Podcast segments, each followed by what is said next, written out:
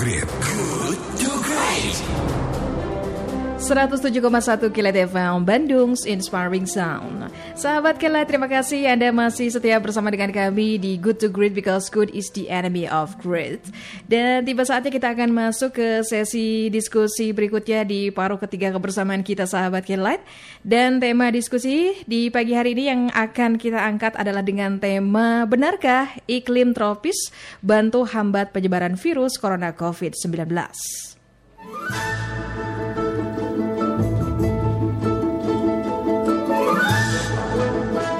Sahabat Kelet, Badan Meteorologi, Klimatologi, dan Geofisika atau BMKG melakukan analisis tentang pengaruh cuaca dan iklim dalam penyebaran penyakit COVID-19 di Indonesia.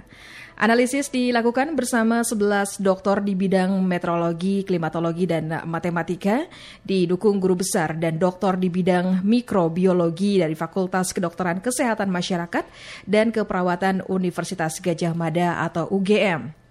Nah, kajian dilakukan dengan analisis statistik, permodelan matematis dan studi literatur.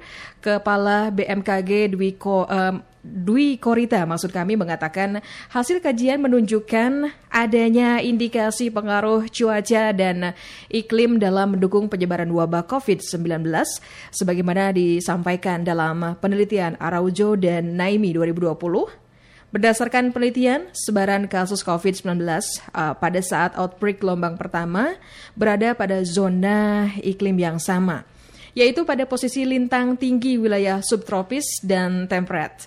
Dari hasil penelitian tersebut dapat disimpulkan uh, sementara bahwa negara-negara dengan lintang tinggi cenderung mempunyai kerentanan yang lebih tinggi dibandingkan dengan negara-negara tropis. Dwi Korita menambahkan, penelitian Chen et al 2020 dan Sajadi et al 2020 uh, menyatakan bahwa kondisi udara ideal untuk virus corona adalah temperatur sekitar 8 sampai 10 derajat Celcius dan kelembaban berkisar 60 sampai dengan 90 persen. Artinya, dalam lingkungan terbuka yang memiliki suhu dan kelembapan yang tinggi merupakan kondisi lingkungan yang kurang ideal untuk penyebaran kasus COVID-19. Nah, para peneliti tersebut menyimpulkan kombinasi dari temperatur kelembapan relatif cukup memiliki pengaruh dalam penyebaran transmisi COVID-19. Nah, hal ini uh, kami menghadirkan narasumber yaitu Profesor Dwi Korita Karnawati selaku Kepala BMKG atau Badan Meteorologi, Klimatologi, dan Geofisika.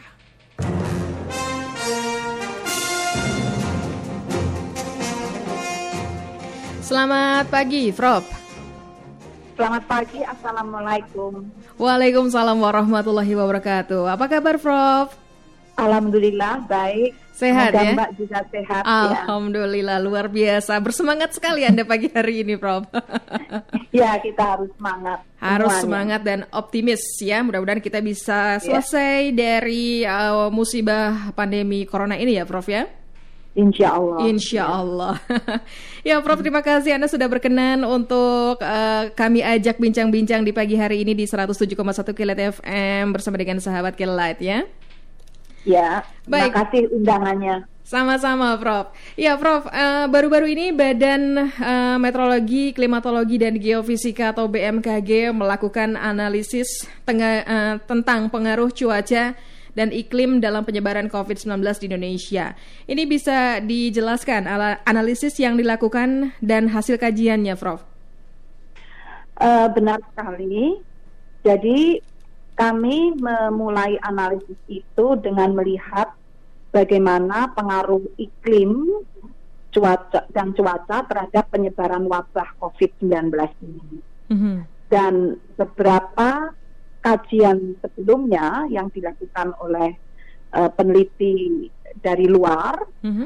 itu menunjukkan adanya indikasi negara-negara yang mengalami outbreak gelombang pertama yaitu sekitar Desember, Januari di bulan-bulan itu negara-negara tersebut terletak pada lintang tinggi yaitu di zona iklim subtropik dan temperate. Misalnya Cina, kemudian uh, Itali, Prancis, Spanyol, Jepang, Korea. Nah, itu semua di bulan-bulan Desember, Januari mereka sudah mengalami outbreak uh, wabah tersebut. Sementara itu di bulan tersebut negara-negara tropis masih tidak mengalami, masih hmm. belum mengalami. Nah, karena memang menurut kajian tersebut bahwa uh, suhu udara yang rendah terutama kurang dari 10 derajat Celcius dan kelembapan yang rendah atau kering itu ideal untuk uh, virus COVID, uh, COVID atau corona itu menjadi stabil. Mm-hmm. Namun dengan meningkatnya suhu, maka virus itu uh, akan terganggu kestabilannya. Sehingga kajian-kajian tersebut menyimpulkan mm-hmm. bahwa uh, inilah yang barangkali mengapa di negara tropis pada gelombang pertama belum mengalami uh, penyebaran wabah ini. Mm-hmm. Namun selanjutnya, selanjutnya setelah bulan Januari, nah itu kan mulai terjadi uh, mobilitas orang mm-hmm.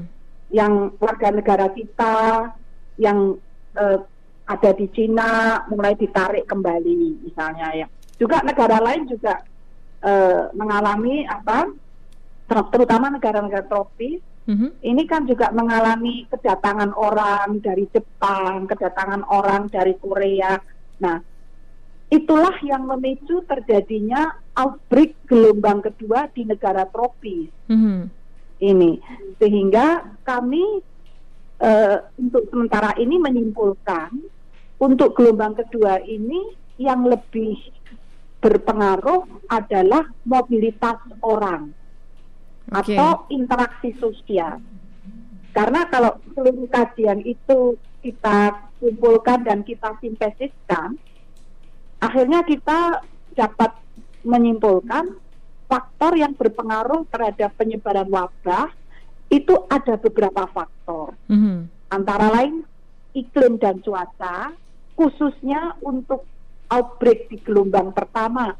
Awal wabah itu muncul. Mm-hmm. Kemudian yang kedua ini dalam beberapa uh, penelitian juga menyebutkan adalah mobilitas orang ataupun interaksi sosial serta yang ketiga adalah intervensi kesehatan masyarakat.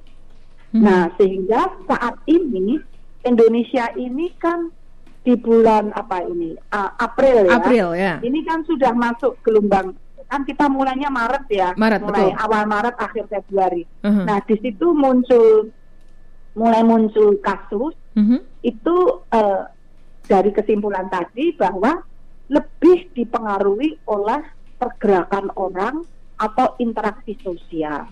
Uh -huh. Oleh karena itu kami eh, menyarankan kepada pemerintah dan semua pihak apabila interaksi sosial atau pergerakan orang ini tetap benar-benar dibatasi, mm-hmm. maka berkah atau apa ya manfaat memiliki uh, iklim tropis ini akan bisa lebih uh, maksimal, lebih optimal dalam mendukung upaya pengurangan penyebaran wabah COVID-19 okay. ini. Iya, baik, Prof. Ya, Mohon jadi maaf. Itu, uh, persyaratan pergerakan sosial ini harus benar-benar dipatuhi. Baik, ya, Prof. Ini dengan uh, kata lain uh, kesimpulannya iklim tropis ini turut membantu cukup menghambat penyebaran COVID-19. Ini artinya kita sebagai negara yang beriklim tropis cukup beruntung dong ya dibanding negara-negara yang lain, Prof.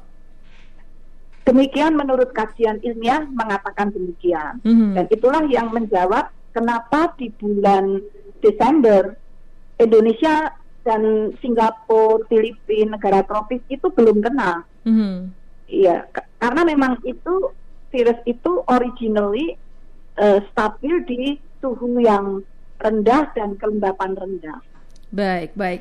Tadi kan uh, seperti yang sudah Anda jelaskan pemicu di gelombang pertama, kemudian pemicu gelombang kedua yang pertama mengenai uh, adanya kedatangan orang-orang, kemudian juga interaksi uh, sosial yang lebih banyak dan iklim cuaca serta uh, apa ya intervensi kesehatan masyarakat. Iya. Ini uh, iya.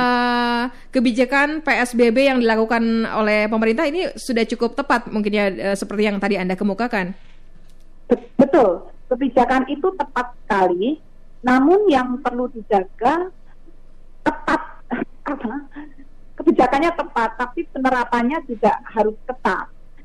Ya, seperti kebijakan work from home itu juga tepat, tetapi apakah disiplin ketat dijalankan ini kan karena monitoring kami saat minggu ketiga bulan Maret itu kan working from home kan sudah diterapkan. Mm-hmm. Tetapi kondisi polutan akibat pembakaran bahan bakar BBM mm-hmm.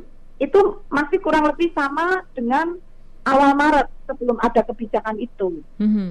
Nah, baru mulai 1 April uh, tingkat polutan ini mulai menurun. Artinya kan saat awal kebijakan itu kan tidak bisa seketika langsung berjalan efektif. Jadi yang working from home itu dari monitoring tingkat polutan itu minggu pertama masih belum efektif. Mm-hmm. Tetapi begitu masuk 1 April itu sudah mulai kelihatan uh, ada penurunan yang signifikan.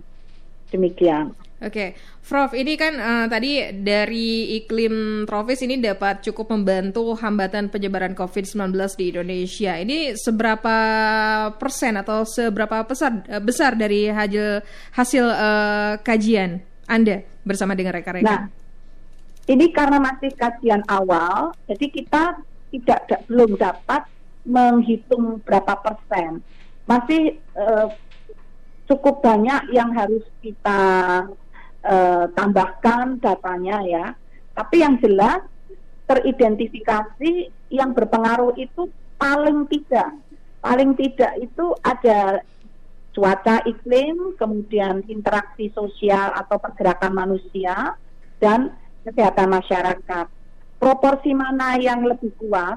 Ini kami belum bisa mengatakan mana yang lebih kuat namun uh, hipotesis kami saat ini itu nampaknya nanti setiap uh, wilayah itu akan beda-beda mm-hmm. gitu. Jadi uh, tidak sama. Misalnya yang gelombang satu tadi nampaknya yang lebih kuat awalnya adalah kedatangan orang-orang uh, ya, suhu oh, iklim, ya. oke. Okay. Tapi mm-hmm. kemudian di wilayah tersebut akhirnya social interaction memperparah.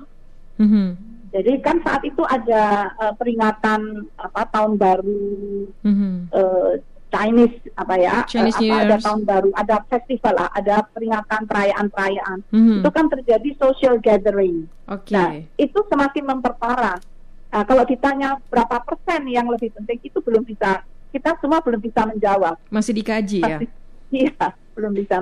Baik. Tapi kesimpulan yang harus segera dilakukan adalah mm-hmm. social distance segera ditetapkan mm-hmm. sambil kita memanfaatkan uh, uh, berkah atau pengaruh dari cuaca yang relatif tidak ideal untuk COVID-19. Dan ada catatan, mm-hmm. ini cuaca ini adalah aspek lingkungan.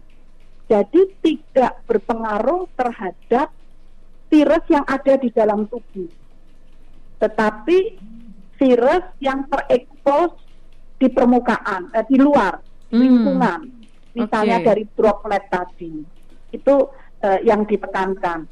Dan eh, dari kondisi yang suhu tinggi, eh, tinggi dan kelembapan tinggi, mm-hmm. ternyata menurut dokter eh, pakar kami yang eh, di mikrobiologi itu memperkuat imunitas, mm-hmm. sehingga semakin eh, anak apa temperatur semakin tinggi, kelembapan tinggi, imun respon seseorang itu akan semakin meningkat. Sebaliknya di suhu yang dingin, semakin dingin dan kering, imun responnya akan semakin menurun. Jadi ada dua hal, imunnya turun, tapi virusnya stabil. Nah, hmm. itulah yang menjadi uh, lebih ideal untuk penyebaran virus tadi.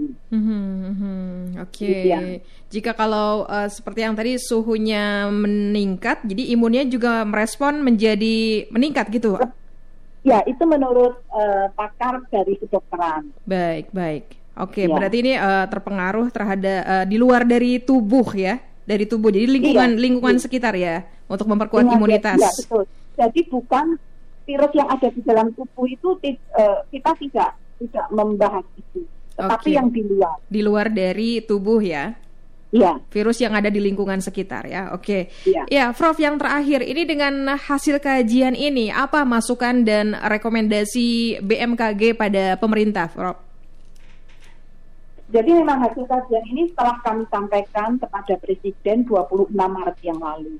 Dan rekomendasi kami adalah eh, mohon tetap meneruskan lebih ketat, benar-benar diterapkan eh, social distancing atau physical distancing, bahkan membatasi pergerakan agar eh, peran ini, peran manfaat suhu tinggi dan kelembapan tinggi. Ini kan kita masuk bulan April Ya. sampai Agustus September ini kan suhu akan eh, relatif meningkat dan kelembapan eh, juga tinggi. Nah, Mhm. itu agar benar-benar bisa berperan eh, untuk mendukung pengurangan eh, penyebaran wabah ini. Mhm. Jadi persyaratan physical distancing, eh, pembatasan pergerakan itu benar-benar mohon untuk diterapkan dengan ketat. Baik, Itu. baik. Ya, terima kasih Prof untuk bincang-bincang kita di pagi hari ini. Informasinya Ya, sangat kasih. bermanfaat bagi kami. Insya Allah. Ya, sukses untuk Anda dan sehat selalu untuk Anda. Selamat pagi, Prof. Assalamualaikum. Selamat pagi. Wassalamualaikum. Ya, sahabat kelet perbincangan kita tadi bersama dengan uh, Profesor Dwi Korita Karnawati selaku Kepala BMKG atau Badan Meteorologi, Klimatologi dan Geofisika. Untuk sahabat kelet yang ingin memberikan uh, masukan, tanggapan mengenai um, diskusi kita pagi hari ini, benarkah iklim tropis uh, bantu hambat penyebaran virus corona COVID-19? Silakan sahabat kelet bisa bergabung bersama dengan kami via WhatsApp di 081220311972.